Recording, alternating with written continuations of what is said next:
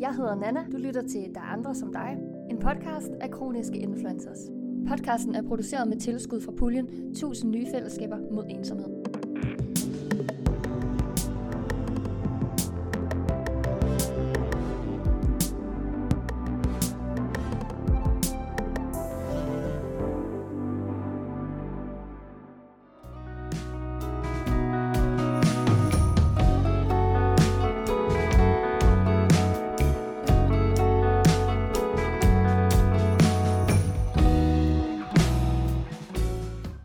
Velkommen til Der er andre som dig. I dag skal vi snakke om mænd og sygdom. Der er forsket i mænds sundhed, og sandheden er, at mænd er skide dårlige til at gå til lægen. De bliver oftere mere syge og får diagnoser alt for sent. Det giver alvorlige konsekvenser. Vi taler om, om mænd er blevet mødt på den rigtige måde, eller om der måske er nogle ting, vi kan ændre. En sandhed er også, at mænd ikke har lyst til at tale åbent om deres følelser, og samtidig kan føle en stor skam. Mange føler sig som mindre mænd, når de rammes af sygdom. Men er man virkelig mindre mand, fordi man er syg? Det skal tre eksperter gøre os lidt klogere på i dag. Nemlig Karen Wittfeldt, som er professor på Institut for Kulturvidenskab, Thomas Fris, som er psyko- og mandeterapeut, og ikke mindst så har jeg mindset coach Nikolaj Brosendal med. Derudover vil du møde fire meget åbne mænd, som hver især fortæller om, hvordan det er for dem at være en syg mand. Uanset hvem du er, så sender vi nogle gode råd og husker på, at hvert et skridt er et skridt på vejen. Velkommen til.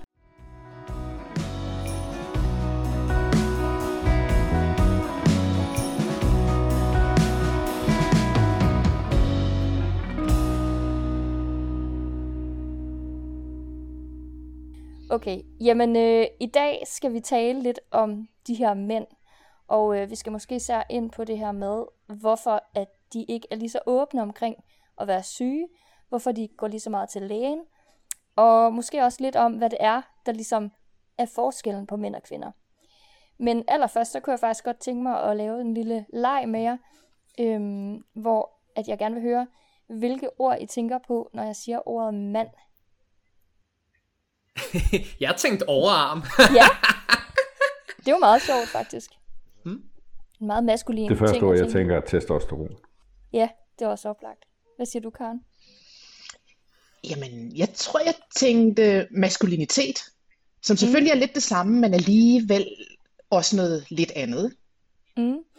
Hvis du, øh, nu når du siger, at det er lidt noget andet, hvad, hvad er det så forskellen egentlig er? Jamen, uden at det skal blive sådan en længere teoretisk udredning, så, tænker altså, så er jeg ikke så glad for egentlig at tale om forskel på mænd og kvinder, eller jeg er ikke sikker på, at jeg synes, det er den mest den produktive måde at, at, øhm, at tale om det på, men måske mere forskellen på det maskuline og det feminine, altså som forskellige måder at, at være i verden på, eller hvad man skal sige. Ikke? Altså, så det er jo ikke sådan, tænker jeg, at det, at det er en, en bestemt måde at, at, at tænke og forstå og føle, og for eksempel være syg på, som, som er biologisk set knyttet til mænd, i modsætning til en anden måde, som kvinder ligesom er på. Men det er ligesom nogle egenskaber eller nogle måder, vi har vendet os til at, at, at agere på, der gør, at der er nogle, nogle forskelle, der, der, der alligevel bliver mere tydelige hos mænd, end, mm. end, end de er hos kvinder. Ikke? Ja. Det er jo, øh, altså i virkeligheden er det en sådan meget moderne, i hvert fald i min opfattelse, tankegang omkring mennesker. Altså at vi ikke nødvendigvis er så skide forskellige i virkeligheden. Men øhm, så tænker jeg jo ret hurtigt på dig, Thomas, som sidder som mandeterapeut, terapeut for, for mænd simpelthen. Er det noget, du sådan kan blive enig i, eller er det en anden verden altså, for dig? For det første, jeg, jeg er terapeut for mænd og kvinder og par og individer af forskellige karakterer, observans og biologi. Øh, men jeg arbejder rigtig, rigtig meget med mænd. Øh, for mig, så, altså det kommer i virkeligheden an på, hvad taler vi om. For mig er teknisk set en mand, det er et væsen med XY-kromosom. Han har typisk en penis og øh, sjældent, for ikke at sige aldrig, evne til at føde børn. Det er sådan den biologiske vinkel på det. Ikke? Så kan man opfatte sig som mand, og, og vi taler rigtig meget om køn og kønsopfattelse, øh, øh, og folk, der er født, eller føler sig født i den forkerte krop, for eksempel. Det er et andet niveau Øh, det er ikke øh, bedre eller ringere nødvendigvis, men det er forskelligt fra at kigge på den fysiske krop. Og på den fysiske krop, eller i den fysiske krop, der har vi noget psykologi, vi har en personlighed osv. Ikke? Øh, og det er igen et andet niveau, og det Karen siger om det maskuline og det feminine, som en anden måde at tale om tingene på en mand-kvinde. For mig, ja, det er en anden måde. Det, det er et andet analyseniveau, så at sige. Det gør ikke, at det andet er forkert eller irrelevant, men vi skal bare have perspektivet eller analyseniveauet på plads, når vi taler om mænd og kvinder. Øh, som jo er dem, der er overvejende flest af. Øhm, og så synes jeg, det er vigtigt at sige også, når vi taler om, om der er forskel på mænd og kvinder. Der er først og fremmest forskel på mennesker. Øh, vi er sindssygt forskellige. Men når vi taler om mænd, så vi, vi kategoriserer folk i klumper, ikke, for at, at kunne tale om på, på et højere abstraktionsniveau. Øh, Øh, og hvis vi kigger på mænd, så er de sindssygt forskellige. Hvis vi kigger på kvinder, de er også sindssygt forskellige. Men hvis vi nu tog 1000 eller 100.000 eller en million mænd, og så ligesom analyseret på dem og fandt gennemsnit og spredninger osv., det samme med kvinder, så er der rigtig, rigtig mange features, hvor vi kan se, at gennemsnitsværdien for alle mænd og for alle kvinder, den er same, same. Altså, der, der er ikke den store forskel der. Hvis, hvis vi så, der er nogle features, der er mænd simpelthen forskellige fra kvinder, hvis vi kigger på, på gennemsnittet. Øh, mænd er, er typisk større, tungere og højere. Ikke? Øh, de har typisk større muskelstyrke, de har højere testosteron, der er masser af fysiologiske forskelle. Øh, men også når vi kigger på dem psykologisk set, øh, med psykometri for eksempel, altså hvis vi måler folks personlighed for at tage ind, øh, så er mænd og kvinder ret ens på rigtig mange punkter. Og så er der nogle punkter, hvor man kan sige, gennemsnitsmanden og gennemsnitskvinden, hvis de fandtes, de skulle ret forskellige. Og så er der, synes jeg, et, en sidste ting, som er enormt interessant det er, at selv der, hvor mænd og kvinder i gennemsnit er meget ens, så er mænd mere forskellige, end kvinder er forskellige. Altså spredningen rundt om middelværdien eller gennemsnitsværdien, den er simpelthen større for mænd. Mænd er mere anderledes, end kvinder er anderledes. Øh, og det giver også nogle ting, når vi for eksempel taler om sundhed, uanset om det er mental eller, eller fysisk sundhed, eller om hvordan vi fører os frem i verden. Øh, mænd er mere ekstreme simpelthen. De, typisk mere ekstreme på det, vi vil kalde positive ting, men de er også mere ekstreme på ting, som vi typisk vil kalde øh, negative måder at være i verden på. Øh. Og, og når jeg siger alle de her ting, så det skide irriterende, ikke? fordi det gør jo samtalen pis kompliceret. I stedet for bare at sige, at mænd er sådan, og kvinder er sådan. Det vil være meget nemmere, men, men så overser vi en masse af indhold. Men det, men det er jo interessant, fordi at det netop i virkeligheden er så tæt på hinanden på rigtig mange områder, og det, og det er jo egentlig også en af grundene til, at vi taler om det, fordi vi har svært ved at forstå, hvorfor at, øh, at det bliver tydeligt for os, at mændene ikke er der, hvor at rigtig mange af de her kvinder er i forhold til at tale om deres sundhed og deres sygdom, øhm, når vi nu i virkeligheden er ret ens. Så hvad er det forskellen gør?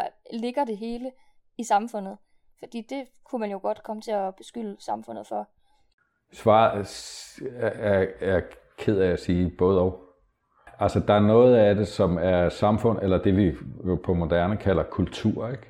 Øh, lige fra hvordan vi opdrager drenge på lidt andre måder, end vi opdrager piger på, til hvordan vi behandler dem i uddannelsessystemet øh, og alle mulige andre steder. Øh, det at gå på date på Crazy Daisy, det er en forskellig oplevelse, alt efter om man er mand eller kvinde.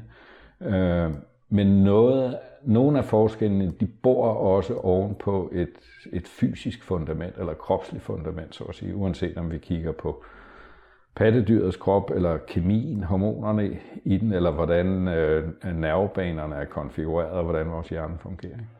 Så svar, vi desværre nødt til at sige, at øh, noget af det er samfundets skyld, og noget af det er naturens skyld. Og så synes jeg, det er vigtigt at have med, at, at uanset om det er naturens skyld eller samfundets skyld, så er det stadigvæk mit ansvar. Det handler ikke om, at jeg er mand, men det handler om, at jeg er voksen. Øh, så når vi er voksne, så selvom det er samfundets skyld, så skulle stadigvæk mit ansvar, hvad jeg gør ved det. Mm.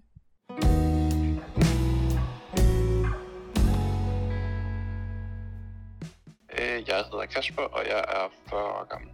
Jamen, øh, mit navn det er Ken Rugård. Jeg er 47 år gammel. I 2016 kommer jeg ud fra en trafikulykke, som øh, giver mig et øh, søvnligt byskilsmænd. Der er lidt at kæmpe med, vil jeg nok sige. Mikkel, 38 år, og øh, jeg fejler blandt andet øh, gigt og øh, søvnopnø og har en del med psyken og, og en del andre diagnoser over det. Jeg hedder René Jensen. Øh, jeg er 45 og bor på Bornholm. Jeg har mange sygdomme. Det, der præger mig mest i hverdagen, det er min gigt. Jeg har slidgigt i nakken, så jeg har mange kroniske smerter, og jeg lider også meget af fatig. Man kan sige, jeg kommer jo til at dreje den en lille smule på noget, der bliver sådan en lille smule øhm, kedeligt i virkeligheden. Fordi at det her emne er jo egentlig så sindssygt at åbne op. Men, men undren i forhold til det her med, hvorfor er der forskel på mænd og kvinder i forhold til åbenheden omkring deres sygdom, og måske også accepten af at være et sårbart menneske, måske.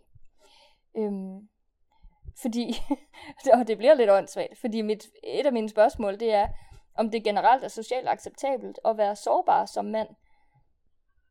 Altså, oplever jeg det? tror, det er der, den bunder i, i bund og grund. Altså til dagligt arbejder jeg jo mest med kvinder, og nu er jeg jo mand, og jeg har været igennem mit sygdoms øh, helvede, så at sige, øhm, og kender jo godt, det er jo også meget omkring stereotyper, og også hvordan vi ligesom er, som, som de to, Thomas og Karen også siger, hvordan vi som er blevet opdraget, både forældre, altså for vores forældre, men også samfundsmæssigt. Øhm, for jeg kan jo se, nu er jeg jo i slut 20'erne, øh, og kigger min vennekreds og omgivelser, og også forhold til dem, jeg nu kender, der har kroniske sygdomme, men faktisk også dem uden. Øhm, det her med at vise følelser for os mænd, det er tit, ikke altid, men tit associeret med svaghed.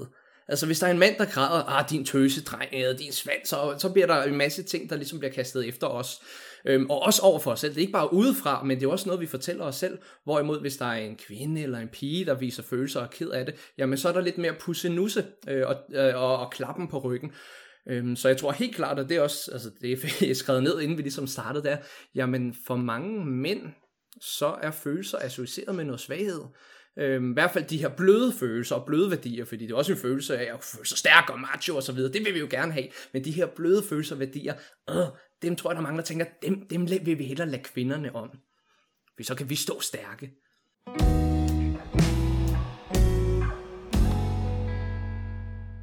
Jeg spurgte mændene, om hvad de synes, der definerer det at være en mand. Prøv lige at høre deres svar.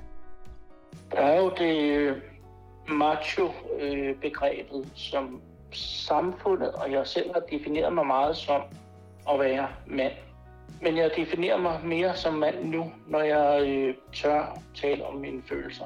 Jeg synes, at øh, det, der definerer det, det at være mand, det er, at man skal være stærk, og man skal kunne leve op til et image, og øh, man skal helst ikke have for mange svage punkter, og øh, ja, man skulle gerne have, have styr, styr på sine ting, tænker jeg. Men han, øh, han er den type, som, som selvfølgelig laver det derhjemme, øh, som er lidt hårdere, øh, men også er den, som øh, kæresten, konen, you name it, den, som, som kommer til at næsten græde ud ved skulderen forhold til smerter, så er det nok mere med, at man, øh, man øh, ikke altid øh, fortæller, hvordan man rigtig har det.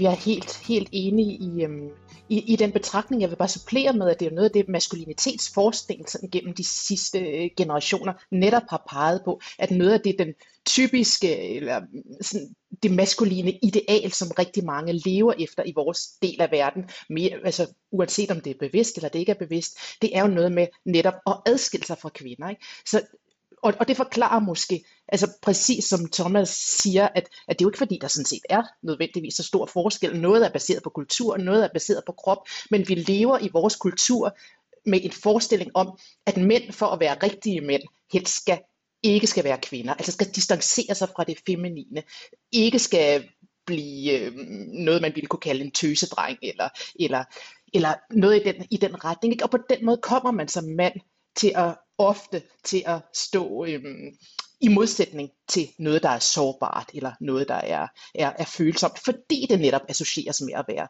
være kvindelig. Og på den måde kan man sige, så producerer den her kønsmodsætning, producerer sådan set sig selv, samtidig med den, den, den finder sted. Samtidig med, at det jo er nogle af de her modsætninger, som man også ser dynamisk, altså de er jo i bevægelse, ikke? de flytter sig, de forandrer sig hele tiden. Det er jo ikke en statisk forestilling, men noget vi hele tiden øh, bearbejder sammen og med, og med, øh, ja, med hinanden og med os selv. Ikke? Mm. Men hvorfor er det så skamfuldt for en mand at være sårbar? Det tror jeg godt, jeg vil sige noget om.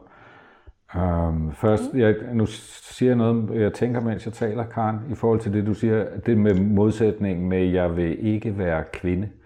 Jeg, jeg er faktisk ikke sikker på, det, det, der, der er en mellemregning før det. Jeg vil først og fremmest være en mand. Og hvis jeg føler mig, altså, og målepunktet for ikke at være en mand, det bliver, fordi der er den der, øh, altså der er den der polaritet mellem, hvis ikke du er mand, så må du være kvinde, fordi det er trods alt det 8-99 procent af os er. Øh, jeg vil gerne være stærk. Og jeg vil gerne være øh, en, der lever op til det, det kræver at være mand. Det handler sådan set ikke om, at jeg ikke vil være kvinde, men jeg vil først og fremmest være mand. Og hvis jeg ikke er mand, så bliver det til, at så må jeg være kvinde, og, og det er der noget skidt ved. Ikke fordi det er skidt at være kvinde, men fordi de features, vi associerer med kvinder, er ofte i modsætning til, eller i hvert fald på en anden skala, end det, det vil sige at være mand. Øhm, og rigtig mange af de her ting kunne vi jo tale om, øh, og sådan er der også i rigtig meget af livet, at, at det handler egentlig ikke om køn. Jeg kunne, jeg kunne spørge jer alle tre, hvad vil du helst være stærk eller svag?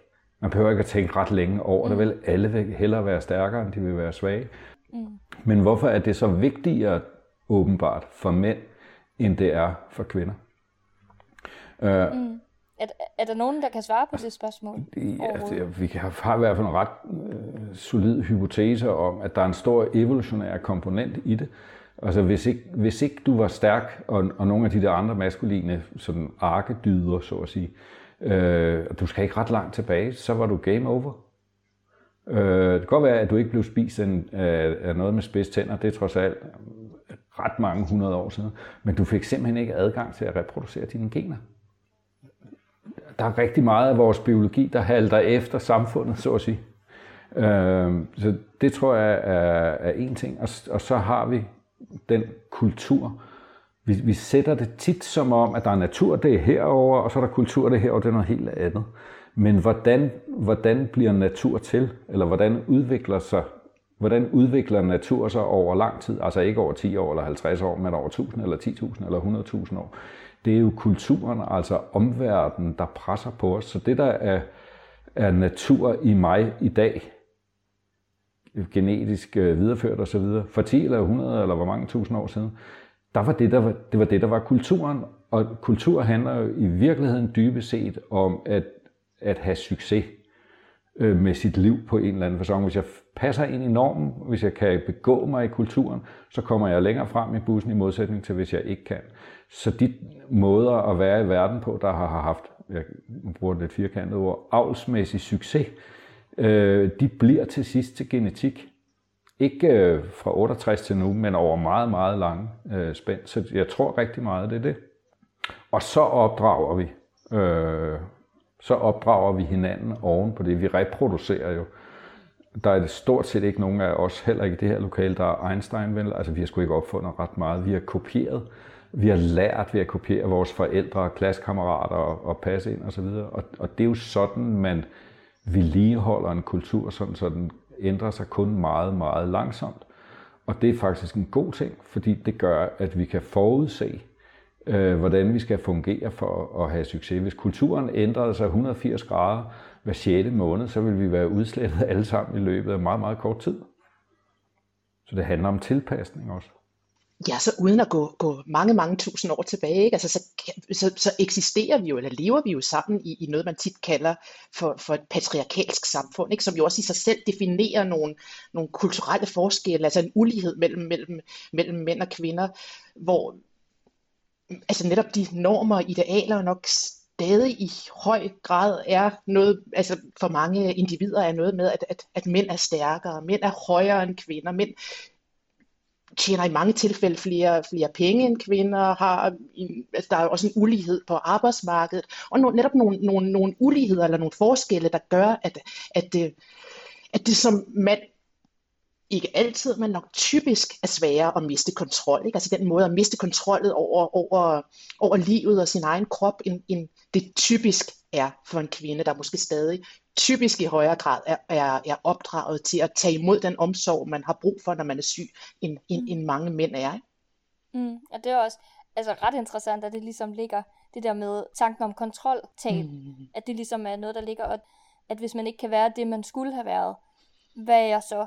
Og, og hvad skal jeg så med mit liv? Så har jeg pludselig ikke kontrol. Yeah. Det er det, man er nødt til at gøre, hvis man skal tale på, altså offentligt, eller måske endda også bare privat om, om sygdom. Ikke? At man er nødt til at give slip på en måde, ikke? på en forestilling om, hvordan livet skulle have været. Ikke? Og måske er det en tendens, at det er vanskeligere for, for mænd, end, end, end det er for kvinder. Det er i hvert fald også noget, noget af det, altså min, mit empiriske arbejde har tydet på. Ikke? At måske derfor, at man ser færre syge mænd på Facebook og Instagram, end man ser kvinder. Ikke?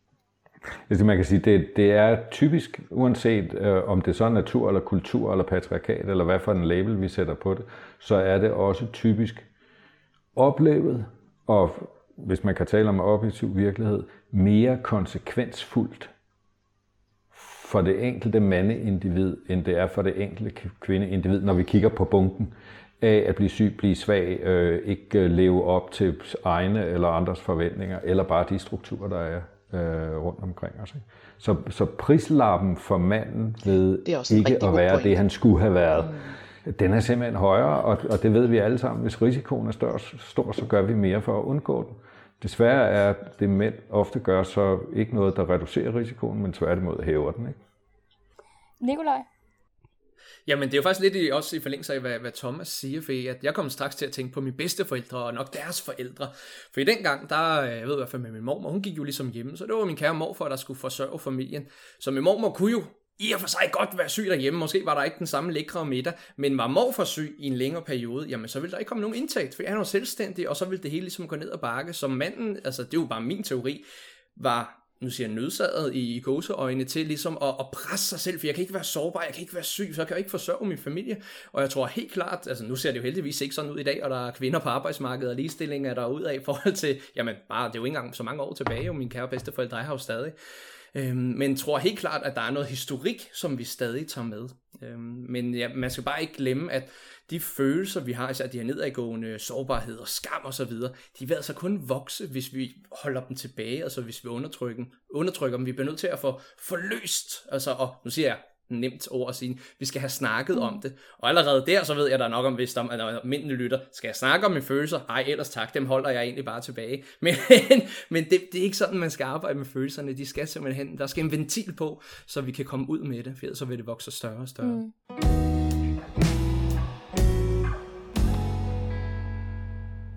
Jeg spurgte mændene, om man er mindre mand, hvis man er syg.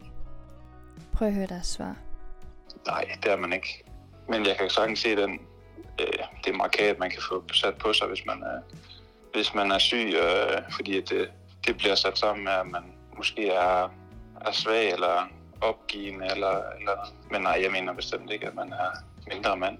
Nej, det er man ikke. Jeg vil faktisk det tager noget tid, men du kan blive mere mand ved at være syg, fordi du skal forholde dig til dine følelser også.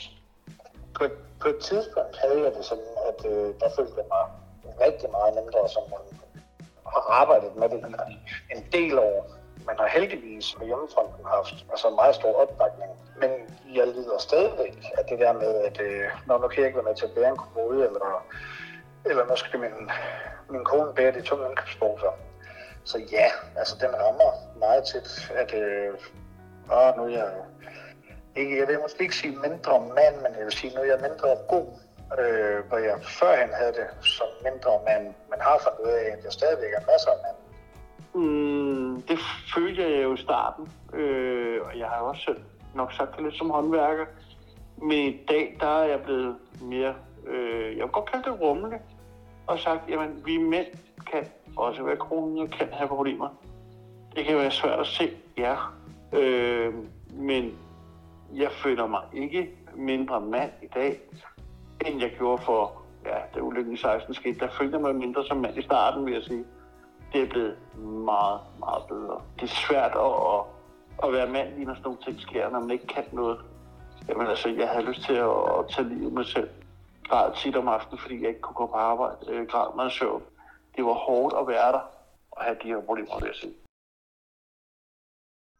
De går, de går igennem, og det er måske bare noget, mænd gør på en anden måde end kvinder, men de går igennem den her proces og finder ud af, at det hjælper ikke noget. Det nytter ikke noget at være, øh, være hardcore og være øh, mandemand, når man har en sygdom, der er invaliderende for sit liv, eller man er nødt til at tage sig af den, eller at man alligevel krasse af af den, fordi man ikke tager sig af den.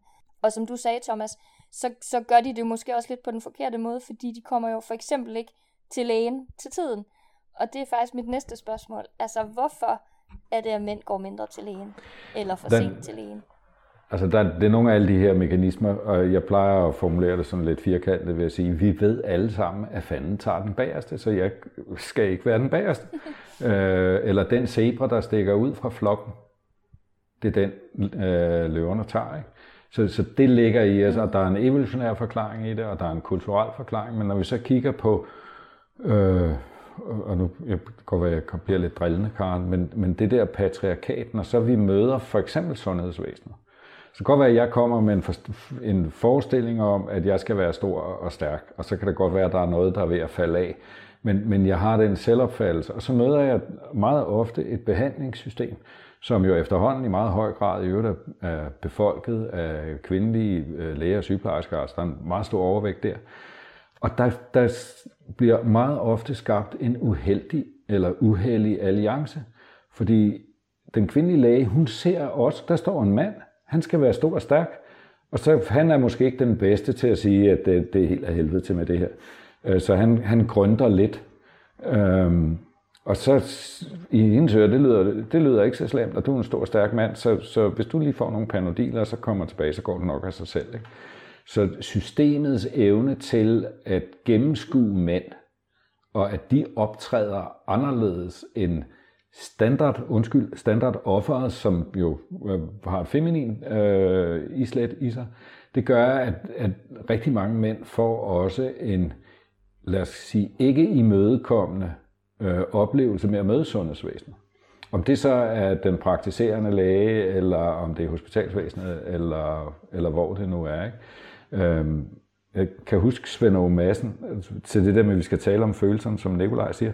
Øh, han har også en, en, en klinisk praksis ud over at være forskningsleder. Han har sagt, det der med at sige, hvad, hvad føler du så?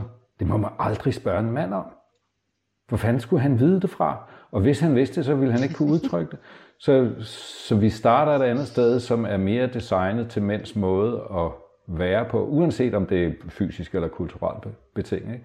Men, men en mand, som er gået ned i, i min praksis, jeg starter med at sige, okay, hvordan sover du? Hvor mange timer får du? Hvordan spiser du? Øh, hvad gør du fysisk? Øh, hvordan virker det på arbejdet? Øh, vi gør det meget, meget, meget konkret. Vi taler i virkeligheden ikke om ham, men om noget, som, som i gåseøjne er uden for ham, den, ude i den objektive virkelighed, fordi der ved, det ved han sgu da godt. Og så når han bliver tryg og føler sig mødt, og så, så begynder der at komme noget mere på. Men, men en kvindelig klient i, i min stol, kan man sige, hvordan har du det? Og så kommer der en million følelser og alt muligt ud. Det, det er meget nemmere som behandler. Og nu er jeg så i det, det psykoterapeutiske felt, ikke? Men, men det er præcis det samme også i, i, øh, i den øh, fysiske lægeverden, så at sige. Det er, at man skal starte et andet sted med rigtig mange mænd. Øh, først han benægter nok, at der er noget i vejen. Øh, så det skal jeg selv fiske ud af ham, og så skal jeg fiske det ud af ham på en anden måde, end, øh, end jeg plejer, fordi alle mine kvindelige patienter, de kommer og bare og lægger tingene på bordet, det er nemt, men er sværere for systemet at få hul på. Mm.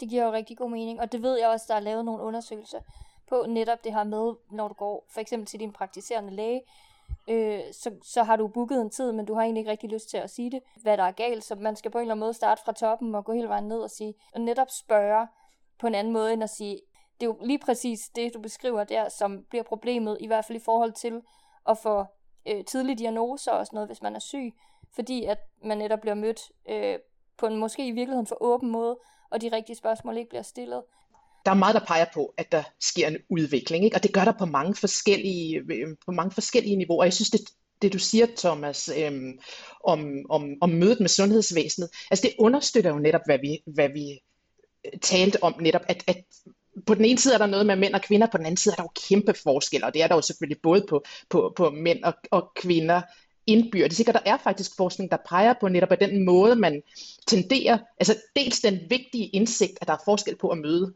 en mand som sundhedspersonale og møde en kvinde, typisk set, at den måde at tale på, at det måske også kan blokere på en måde for indsigten af, at der er meget stor forskel på mænd indbyrdes. Ikke? Og det er jo ikke sådan, at når der kommer en mandekrop ind af, af døren, så er det helt givet, at, at man skal øh, agere på en, på en bestemt øh, måde. Jeg har mest selv erfaring med at øh, øh, med undersøgelser i forhold til yngre mænd. Mm. Og der synes jeg, at både det jeg ser og det jeg læser, tyder på, at der sker en udvikling. Der er også forskere, der peger på, at der måske er en geografisk øh, forskel, altså at vi her i de nordiske lande, måske faktisk alligevel i forhold til mange andre dele af verden, er, øhm, er bedre til at tale om følelser. Altså at, at, at de nordiske mænd er nogle skridt foran i, i forhold til, til, til mange andre steder. Ikke? Så jeg tænker, i forhold til, i forhold til geografi, i forhold til kulturen her, i forhold til yngre mænd, der tyder det på, at, at både det sprog, man bruger i forhold til sygdom, og de, øhm, den måde, man reagerer på, at det, at det faktisk er, er i udvikling. Mm. Og det er, jo, det er jo kun dejligt at vide, at der, at der er gode tegn på vej i forhold til, at vi alle sammen får øh, en god oplevelse, når vi går til sundhedsvæsenet i det hele taget, og at vi har lyst til at gøre det, og også bliver diagnostiseret meget før tid, fordi det er jo desværre noget af det, som er konsekvensen af det hele. Det er jo, at der dør rigtig mange mænd af sygdomme, som de ikke har fået undersøgt. Også selvom de godt vidste, at der nok var et eller andet galt. Ikke? Det er jo i virkeligheden ret tragisk, at man ikke får fanget de her mennesker.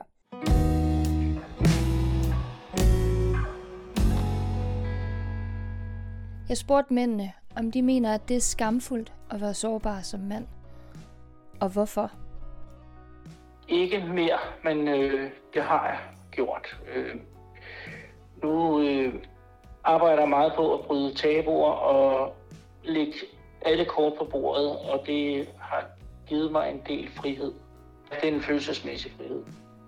Det er selvtilliden, det er, øh, at når jeg tør frem, så opdager jeg jo, at der er mange flere som mig jeg synes ikke længere, at det er, det er skamfuldt. Øh, jeg synes, det var det meget øh, for en del år siden. Der havde jeg meget, meget, meget svært ved blandt andet at acceptere selv, øh, at jeg var sårbar. Altså, jeg havde at snakke om det, og tit ofte så løg jeg også, hvis jeg så snakkede med, med mennesker, jeg ikke kendte, hvis de spurgte, hvad jeg lavede. Øh, så sagde jeg ikke, at jeg gik hjemme, eller at jeg ikke var på arbejdsmarkedet. Øh, så, så måtte jeg fyre en løgn af, fordi at jeg simpelthen ikke havde lyst til at sige, at, øh, at jeg ikke lavede noget. Overhovedet ikke. Øh, og slet ikke sådan, som jeg har haft. Øh. Men det er der nok mange, der synes, at det er. Øh, fordi man øh, helst bare vil være stærk og øh, ikke være svag. Eller sådan. Det er nok meget mandligt, at man tror, at mange mener, at man skal være sådan som mand. Det synes jeg ikke der, der, der er stadigvæk perioder, hvor jeg godt kan føle mig lidt skamfuld. Det er specielt, når jeg holder på en handicapplads og skal ud, og man kan se, der bliver bare kigget til en. Det føles det slet ikke rart. Altså bare i starten, da jeg havde fået mit, mit, mit handicapkort, hvor hårdt det var, når, når folk de henvendte sig til, når han holdt på en handicapplads, der må jeg ikke holde. Det var jeg ikke gammel nok til. Jeg var jo ikke syg jeg skulle jo ikke holde der, fordi jeg havde jo ikke nogen skader. Jeg, jeg gik jo ikke med rollator. Jeg tog meget sjældent min rollator med at handle, fordi jeg følte mig skamfuld. Jeg kommer til at ændre øh, temaet en lille smule nu, fordi jeg kunne godt tænke mig at tale lidt om det her med fællesskaber. Øh, det er jo det, vi gør i KI, og det er jo noget af det, der viser sig at være øh, enormt givende øh, som menneske, og ligesom finde ud af, at der er nogen, der ligner en selv, og vi har jo brug for det, uanset om vi er syge eller ej, at have fællesskaber.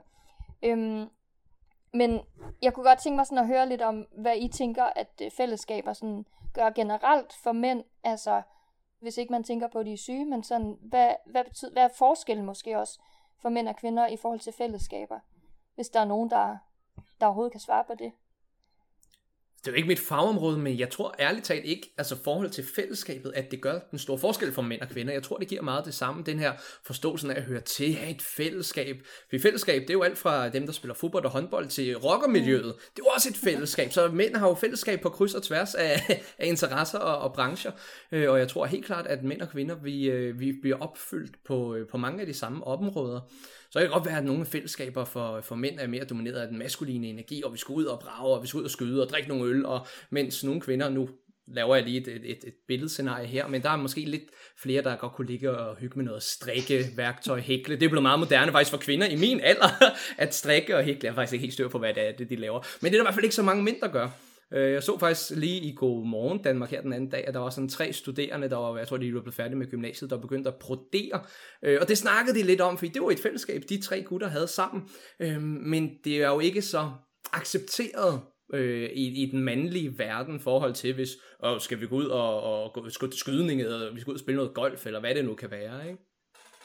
Men jeg tror helt klart, at vi får opfyldt rigtig mange af de samme ting, om vi er mænd eller kvinder. Og, og det er vigtigt. Altså, det er jo også derfor, vi sidder her, i dag og øh, laver podcast og har kendskab til jer for kroniske influencers. Fordi vi ved vigtigheden af at have et fællesskab for at føle os øh, både ja, accepteret og set og hørt. Ja, altså jeg tænker også, at det har den samme betydning og lige stor vigtighed for både mænd og kvinder at, at, at være en del af et fællesskab. Men nogle gange at tænker man, eller kan man jo pege på, at, der, at det måske er forskellige former for, for, for fællesskab. Ikke? Altså i forlængelse af, hvad, hvad, hvad Nikolaj siger, så er der måske en tendens til, at mænd i, er mere trygge ved fællesskaber, der handler om at gøre noget sammen, hvor kvinder måske i højere grad godt kan, lettere kan finde sig til rette i et fællesskab, der handler om at, at, øh, tale sammen, eller snakke om, hvad man, hvad man føler, eller hvad man har oplevet. Der kan man sige, der er måske et paradoks eller et problem, netop i forhold til det med at være alvorligt syg, ikke? at man i en tilstand eller en periode af, af livet, hvor man ikke kan gøre det, man plejer at gøre, eller måske faktisk næsten ikke rigtig kan noget, så kunne det måske være lettere, altså, eller man kunne antage, at det måske er sværere for mænd i den situation at, at finde et fællesskab, når man netop ikke kan gå ud og spille fodbold, som man måske ellers ville have gjort. Ikke? Så det på den måde kræver lidt større omstilling eller, eller øh, indsats at finde fællesskaber til mænd præcis i, i, i en situation med alvorlig sygdom. Jeg tror, der er, der er masser af ting, der peger ind i den samme retning. Meget enig med det, Karen siger. Altså, og selvfølgelig gør vi det firkantet og sort-hvidt, når vi taler om alle mænd og alle kvinder. Ikke? Men, men der er en meget klar tendens til, at, at kvinder er sammen om at være sammen mens, kvinde, mens mænd er sammen om at gøre. Vi taler nogle gange om det fælles tredje. Altså øh, Nikolaj og jeg, vi står ved siden af hinanden, og så peger vi på det der, der er uden for os selv, og det er den der motorcykel, der skal repareres, eller den fodbold, der skal sparkes til, eller den fiskesnør, der skal bindes, hvad pokker det nu er. Men, men vi, sådan, det der kommer først, er det der er uden for os selv. Og så, fordi jeg laver mandegrupper og har gjort det meget længe, så det er også meget tydeligt, at inde bagved, så kommer det fælles fælles. Men, men rækkefølgen er, at vi peger ud af. Øh, og igen, altså rigtig meget af det er selvfølgelig kultur, men, men der er jo forskning, som relativt tydeligt viser, at, at også den måde, vi kommunikerer på, altså sådan øh, verbalt, teknisk, den måde, vi tager information ind, men også det, der sker neurologisk i os, er forskellige. Øh, jeg plejer at illustrere det, nu skal man forestille sig, at jeg holder mine hænder op, håndflade mod håndflade. Altså kvinder øh, er bygget til og har trænet siden starten til det, nogen kalder frontal kommunikation, som handler om at aflæse følelser og signaler, empati og alle de der ting, mens, og nu vender jeg så hænderne, så de øh, øh, peger fremad. Mænd er typisk øh, har større potentiale for og har trænet meget højere det, jeg kalder øh, kommunikation i glæde eller parallel øh, kommunikation over for frontal kommunikation. Øh, så vi er, igen, vi generaliserer ikke, men, men mænd har nogle øh, features i, i forhold til rummelighed og alt muligt andet, som er, hvis man kigger på gennemsnit, en lille smule anderledes. Men når vi så kigger på, hvor forskellige mænd er, så rigtig mange af dem, der kun kan finde ud af at kommunikere om det fælles tredje, det er mænd. Og rigtig mange af dem, som stort set kun kan kommunikere fælles, sådan hvis vi tager ekstremerne, det er kvinder. Øh, og, og derfor bliver der nogle store forskel på, hvordan mænd og kvinder går til det. Og jeg er præcis enig med, med det, Karen siger, jamen når så jeg ikke kan køre på motorcykel, eller fiske, eller nærmest komme ud af døren, alt efter hvad det nu er, så bliver jeg afskåret fra mine gørefællesskaber. Og jeg er ikke kodet eller trænet til, og, og min omgangskreds er heller ikke kodet eller trænet til, så sætter vi os bare og drikker kaffe og snakker sammen. Der falder jo ting på plads fordi mit, et af mine spørgsmål er jo egentlig, hvordan får vi mændene snak, altså som, som fællesskab. Men det gør vi jo så i virkeligheden ikke, fordi vi skal ud og, og lave noget med dem, hvor at vi så mødes på den måde, du vi, forklarer. Vi gør det ved at tilbyde dem at gøre noget. Øh, der er fænomen, som, og der er faktisk flere, men, men et af dem er mænds mødesteder, hvor man øh, som grundlæggende går ud på, at man gør noget, og det kan være, at man har et værksted, hvor man går hen og gør et eller andet, eller man arrangerer, så tager vi på tur, eller et eller andet, men, men det er aktivitetsdrevet, og så følger det, vi så ville kalde fællesskab, det følger bagefter. Det er i hvert fald umuligt, eller næsten umuligt, hvis man starter i den forkerte ende af ligningen. Ja, ja, lige præcis. Nikolaj, du peger. Jamen, jeg kan jo selv relatere til det fra da jeg var syg øh, og skulle øh, genoptræne efter stomioperation og, og alt den ballade, der var med. Der kunne jeg ikke træne, øh, styrketræne, fodbold, jeg kunne ikke gå, jeg kunne jo ingenting. Og det var derfor, når jeg fortæller min historie og forklarer, hvordan jeg havde identitetskrise, kunne ikke finde mig selv osv. Det var fordi, jeg kunne ikke gøre mange af de ting, som jeg plejede at gøre, som skabte blandt andet. Jeg fik, jeg blev stimuleret med, med mine fællesskaber, øh, men også fordi, at jeg tror, der er rigtig mange mænd, der også, jamen, når jeg gør det her, eller jeg har den her jobtitel, så er det jo med til at forme os som, som personer eller som mænd. Øhm, så da jeg ligesom kom tilbage og kunne begynde at gå og kunne begynde at træne, kunne komme tilbage til mit guide-liv igen, så fandt jeg ud af, hey, det var faktisk bare en pose. Det var sgu da pæn luksus. Øhm, for jeg kom tilbage til min omgivelser og alt det, jeg plejede at gøre, øh, som Thomas kom ind øh, og snakkede omkring, som vores, vores gøremål. Ikke? Øhm, fordi det var altså bare sværere for mig i situationer at skulle snakke om, om noget, som jeg ikke engang vidste, hvad var, og jeg havde ikke vidst, hvordan jeg skulle forholde mig til det. Øh, jeg vidste bare, at det var noget fremmed, men da de ydre omgivelser, da jeg kunne komme tilbage til dem og gøre det, jeg plejede, så fandt jeg ud af, jamen det, jeg havde så meget afstand til, som var stomien, øhm, og det, der var så farligt, jamen det var jo faktisk ikke noget. Jeg havde givet det alt for stor en værdi i mit hoved. Der, der er sådan et uh, human being, det, det vi, I'm a human being, det kvinder er. Mænd, de er i meget højere grad human doing. Mm. Mm. Det, det er i virkeligheden ret, øh, altså måske det er bare ligesom der, vi arbejder fra, fra nu af, som mennesker, uanset om vi er mænd eller kvinder, at, at hvis, vi skal have, hvis vi skal have mændene med, og vi gerne vil tale med dem om, hvordan de i virkeligheden har det, så må vi sætte dem til at hakke noget brænde, eller et eller andet imens. to fluer et smæk, ikke? Nu er det i hvert fald Jeg tror i hvert fald, det er vigtigt. Altså, vi har tit, når vi taler om de her store ting, om mænd, om kvinder, om ligestilling og sundhedsvæsen og alt muligt andet, vi har en meget stor tendens til at fokusere på, hvordan skal det være. Altså at indrette verden sådan, som den bør være. Øh, og, og det er et problem i mit felt, så har vi jo sådan et, et aktion.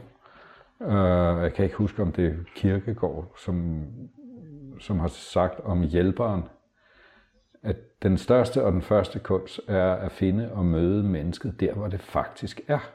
Det kan være, at mænd burde være anderledes, og det burde vi på virkelig mange forskellige måder. Men indtil vi er blevet det, så bliver vi nødt til at beskæftige os med mænd som koncept eller begreb eller kategori, og med ham der i hjørnet, den helt konkrete mand foran mig, som den virkelighed, det faktisk er, i stedet for, som det burde være. Ikke? Og, og noget af det, der øh, rider jeg en, måske en lille kæphest, men når vi snakker om, om hvordan vi griber, og hvem skal gøre hvad, ikke? så vi har et, et samfundsstrukturelt lag, og, og der er fandme meget at gøre. Ikke? Jeg har lagt mærke til, øh, og måske fordi jeg kiggede efter det, i den måde, vi i tale sætter mænds problemer og kvinders problemer, ikke mindst omkring ligestilling, arbejdsmarked og alle mulige andre ting. Der, for mig ser det ud som om, at, at kvinders problemer, og jeg taler ikke om, at det er fake problemer, ægte, reelle, oplevede problemer, det er også for dårligt. Det må vi gøre noget ved, sådan på det her niveau. Ikke? Mens mens problemer, som ofte er nogle andre, men, men jo i hvert fald lige så vigtige for mænd, at der har vi en tendens til at forklare det med, at det er ham, der er noget i vejen med. Han skal også lære, eller fixes, eller et eller andet. Så, så ikke bare i sådan hoveddiskursen, men også i den diskurs, der ligger nedenunder, der har vi det med at, skubbe ansvaret hen, og man kan også bruge ordet skyld, øh, og det er også bare fordi, de skal tage sig sammen. Mens når vi mm. taler om... Altså det tænker du en samfundsting, ja, vi gør? altså vi, i, i ja. sådan den overordnede diskurs, der er det samfundets ansvar at fikse alt det der, der går ud over kvinder, og det går ud over kvinder, det er, det er ikke det, jeg er ude på at diskutere. Men alt det, der går ud over mænd, som jo faktisk også går ud over mænd, højere dødelighed, højere sygelighed, for lidt behandling, for sen behandling, psykiske problemer, selvmord, fængselsophold, øh, you name it, at, at der er det hjørne, der skal tage sig sammen. Ikke? Øh, og jeg, jeg tror faktisk, det er både hjørne og samfundet, det handler om. Ikke? Øh, men, men jeg møder rigtig mange mænd, som i virkeligheden føler sig lidt, hvad siger man på dansk, cornered, eller sat til vægs, eller malet op i et hjørne, af at jamen, de synes jo også selv, at det, det er jo for helvede, det er jo min egen skyld jo. Det er jo fordi, jeg har røget, drukket og ikke øh, alt muligt andet. Så det er min skyld, så det må jeg selv fikse.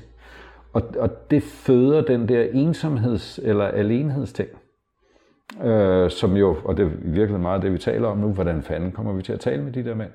Jeg sad med 15 mænd i går, eller 16, øh, og med 15 andre mænd i onsdags. Vi har lige startet nye mandegrupper. Og sådan en mand, det første vi spørger dem om, det er ikke, hvad du hedder, eller hvad, vi spørger, hvad fanden laver du her? Altså, hvad er det i dit liv, der gør, at du ikke sidder og ser fodbold, eller hvad du ellers kunne gøre, men sidder her? Og så kommer der sådan forsigtigt, øh, det kunne være sådan, at jeg har sådan lidt virkelig en konfliktsky, og sådan lidt pleaser, og, og jeg bliver hele tiden kørt over, og, og så sidder man, sker, falder himlen nu ned? Og så har vi været 16 mænd rundt, og de 12 af dem har fandme sagt det samme. Og så sidder de der. Jeg troede, jeg var helt alene. Altså, jeg troede, det var mig, der var mærkelig, og det var mig, der var en idiot, og det var mig, der skulle fikse det, men det er åbenbart en folkesygdom.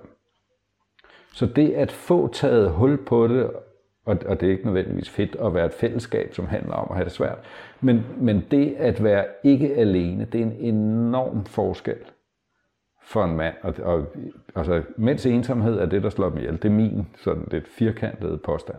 Øh, fordi det er det, der gør, at de ikke øh, lever ordentligt liv, og ikke øh, får den behandling, de har brug for, og, og får al den næring, der er ved at være i et fællesskab øh, med andre. Og jeg er jo så stor advokat for, at mænd skal søge fællesskab med andre mænd. Ikke fordi der er noget i vejen med kvinder, men fordi de fællesskaber, som er kun for mænd, de kan noget særligt, som blandede fællesskaber har svært ved at kunne.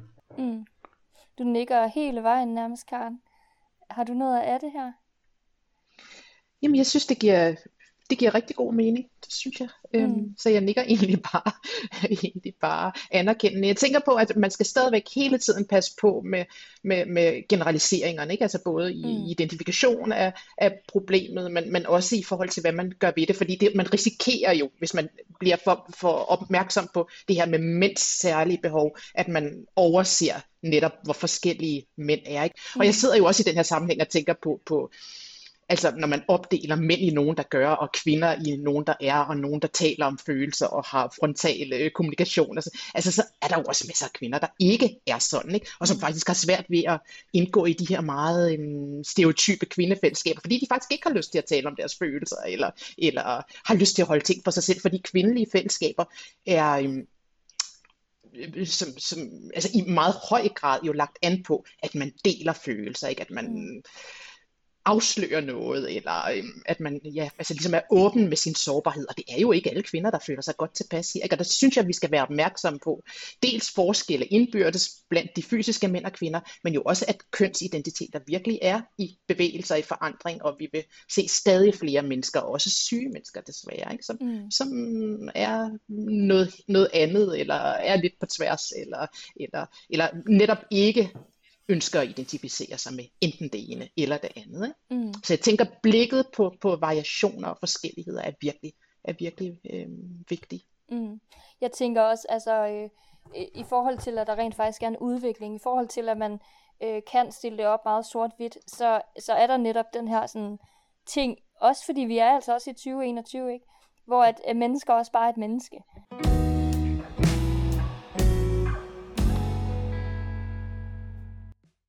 Jeg spurgte mændene, hvad de mener, at fællesskab betyder for mænd generelt. Prøv at høre deres svar. Fællesskab tror jeg betyder altså rigtig, rigtig meget for mænd generelt, at man kan komme ud og for eksempel mange familiefædre og så videre, at de har noget mandehumor og, og noget fodbold eller hvad det nu eventuelt kunne være. Jeg tror, det betyder rigtig, rigtig meget.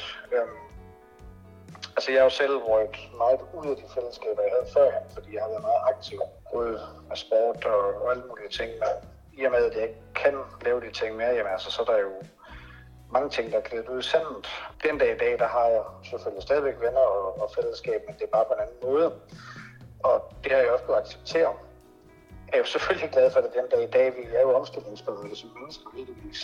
Så, så det er jo det at leve med. Men altså, hver eneste gang jeg ser nogen spille fodbold eller spille hockey eller et eller andet, jamen, øh, så har jeg da lyst til at løbe over og være med, men det kan jeg bare ikke.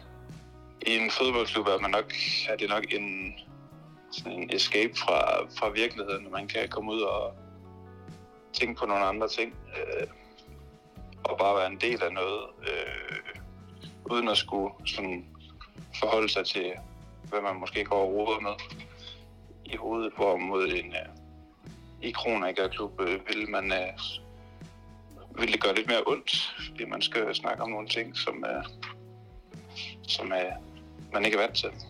Det vil gavne rigtig mange mennesker og, og have et fællesskab, hvor man øh, kan, kan være en del af noget, uden at skulle fortælle om sig selv. Men det er også rigtig vigtigt at, at ligesom have den der øh, forståelse for andre, at øh, er nogen, der er i samme situation. Det betyder rigtig meget. For mig der betyder fællesskab rigtig meget på mine øh, sociale evner, og øh, det gør jeg ikke. Lukker mig ind i mig selv, og jeg kan øh, se lidt lysere på tilværelsen, fordi jeg er i fællesskabet. Jeg føler, at jeg kan bidrage med noget til andre, som så øh, også bidrager noget til mig, så jeg kan nemmere komme ud af en, øh, en dårlig cirkel selvom jeg nu ligesom byder ind til, nu skal vi tale om nogle mænd, og hvorfor sådan, og hvorfor sådan, så tænker jeg også, at det er sindssygt vigtigt netop at sige, vi er også bare mennesker, uanset hvordan vi ser ud, eller hvem vi identificerer os med. Ikke? Ja. Jo, og forskellen, netop variationen fra mellem den ene og den anden mand og den ene og den anden kvinde, er faktisk i mange tilfælde større, ikke? End, jo, lige end forskellen på, på, på mænd og kvinder. Ikke? Så det er noget med måske at hele tiden at træne blikket mm. på, på nuancer og, og større og mindre forskel, ikke? For at, at være åben. For at, at blive klogere. Ja, lige præcis. Blive klogere. Det, jeg er blevet klogere. Er der nogen, der vil slutte måske med at give et godt råd eller noget? Hvis vi nu tager lige spoler tilbage og siger, nu snakker vi lige lidt om de der klassiske mænd igen. Er der nogen, der har et godt råd, som de kunne give til mænd med kronisk sygdom i forhold til at være en mand? Fordi så tænker jeg, at det skal vi slutte med. Ja, jeg har et virkelig dårligt omvendt råd. øhm, det er godt, det glæder jeg mig til. Vi, og nu igen, selvfølgelig når vi generaliserer en stor variation ned i to kasser mand og kvinde, så, så der ryger cirka 90 procent af nuancerne. Noget, noget af det, hvis vi taler om det maskuline og det feminine, så jeg plejer at udtrykke det på den måde, at det feminine, både mænd og i kvinder, øh, vokser og næres og heles af omsorg og kærlighed, sådan lidt firkantet formuleret, mens den maskuline del øh, af os alle sammen, uanset om vi er mænd eller kvinder, den, øh, den vokser ved, jeg kalder det kritik og udfordringer. Når jeg siger kritik, så mener jeg kærlig kritik. Ikke? Du tør ikke klatre op i det træ, siger vi til den lille dreng. Ikke? Og, og der er en sandhed i det. Øh, igen, mænd har i hvert fald i gennemsnit øh, en større risikovilje, end, øh, end kvinder har. Så jeg vil sige til de der mænd, øh, som sidder derude, og som og jeg forstår sgu godt, du er bange for at lukke op for posen, fordi du risikerer, at tigeren kommer og tager dig. Øh, så vil sige, du tør fandme ikke sige det til to af dine venner. øhm, det synes jeg faktisk er et fantastisk råd. Og spekulere over, hvad er det værste, der kan ske. Altså vi har, og det, og det er sådan en menneskehjerne ting, og det har reddet vores røv i, i mange millioner år. Øh, vi har en overfokus på, på negativ tænkning, helt generelt. Sådan er, er, er hjernen skruet sammen, øh, og det er rigtig praktisk. Men, men prøv lige at sætte dig ned. Hvad er det værste, der kan se, hvis du lukker lidt op for posen og fortæller en af dine venner, eller to af dine venner, eller siger det nede i øh, fiskeklubben? Hvad er det værste, der kan ske? Og, og så, hvis man tager de der scenarier, vi har inde i hovedet ud, øh, og, og siger dem til bare til os selv, eller skriver dem ned, når vi så læser, så tænker jeg på, ah, jeg bliver nok ikke spist af en tiger, når det kommer til stykket. Altså vores skrækscenarier, når de først sådan ligesom kommer ud i lyset, øh, så bliver de mindre. Og jeg tror, det er Lars Sørensen, som var chefpsykolog på Nykøbing, tror jeg, et af de klogeste mennesker i kongeriget. Jeg tror, det er ham, der har sagt omkring skam, fordi det fylder rigtig meget. Skam trives virkelig dårligt i lys og frisk luft. Altså, det, det der gør, gør det ved det, som hjælper, det er faktisk at få det ud. hvor vi kan se, altså få monstret ud under sengen, så viser det sig typisk at være en lille nullermand eller en sød bamse, vi har glemt. Altså det virker at få lukket op og komme ud med det. Mm, det gør det. Det øh, kan du jo også skrive under på, Nikolaj. I den grad, og det vil også være mit råd, som kommer i forlængelse med Thomas, som jeg snakkede om tidligere med vores følelser.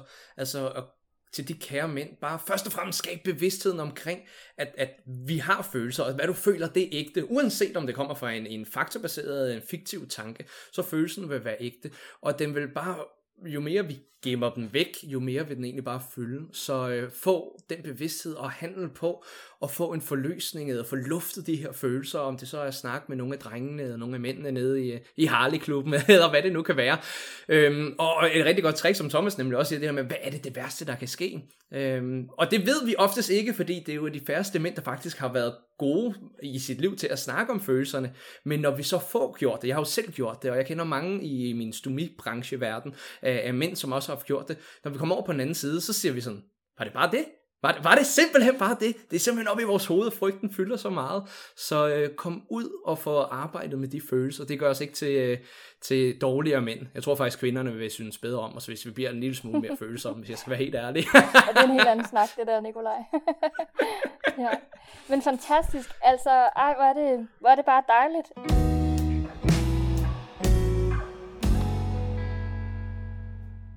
Mændene har nogle gode råd, som de vil give videre til andre mænd med kronisk sygdom. Prøv at lytte med her. Få sat ord på det. Øh, tale med nogen om det. Lad være med at, at gemme det inden i sig selv. Det har jeg selv gjort i mange år.